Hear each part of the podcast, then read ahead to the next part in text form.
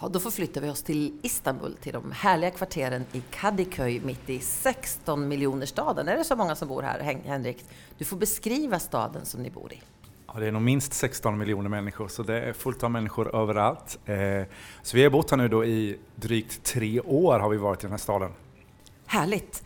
Eh, ni finns och jobbar för IBRA i Turkiet och med målet att se människor bli Jesu efterföljare och sen dela det vidare.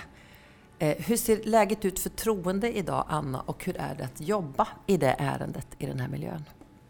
Ja, det är roligt och det är spännande och utmanande. Läget för troende är eh, många gånger beskriver de det som ganska tufft eh, när man bekänner sig som troende med eh, utanförskap och ganska ofta att man eh, kan tappa eh, kontakterna med de vänner och gemenskaper man hade tidigare, eh, kan bli förkastad från sin familj och så. Så eh, turkiska troende beskriver läget som ganska tufft när de bekänner att de är kristna.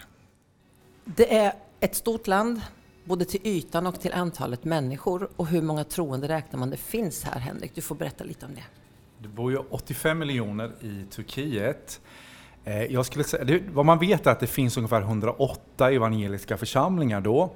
Det är lite svårt, jag tycker lite svårt med siffran med troende. Jag skulle kanske säga att det finns mellan kanske 10 000 till 20 000 troende. Men om man tänker att i de här församlingarna som kanske är knappt 200 och det finns 50 i varje så talar vi om 10 000 troende som kanske då är aktiva i församlingarna.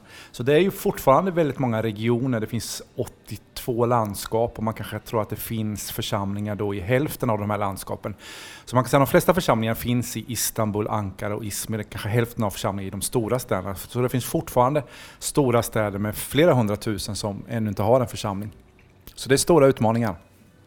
Hur får man då tag på evangeliet? Vi vet ju att internet jag har gått runt här på gatorna i Istanbul och alla har en smartphone.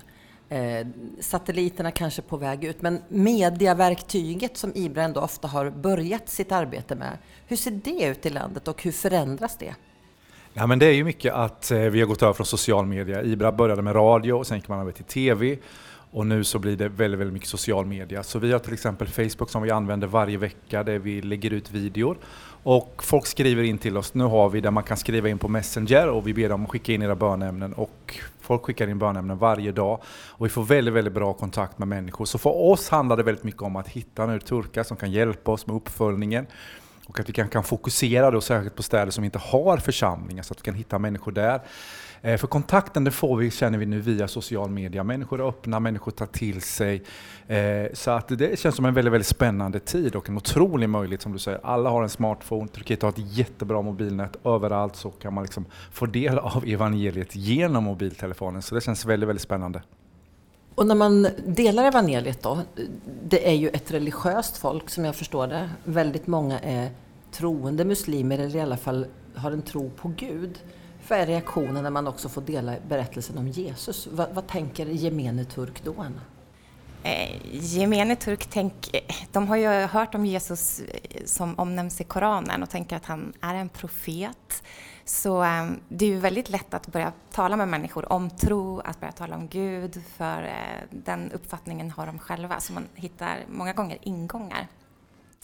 Men sen finns det ju många sekulariserade också som idag är trötta på religion, speciellt ungdomar som eh, eh, ja, vill lämna religionen och vill leva Eh, som oss i Europa och eh, där kan det vara lite svårt att nå in med evangeliet kan jag tycka för att man eh, ser ingen anledning till att vända sig till en ny religion. Mm.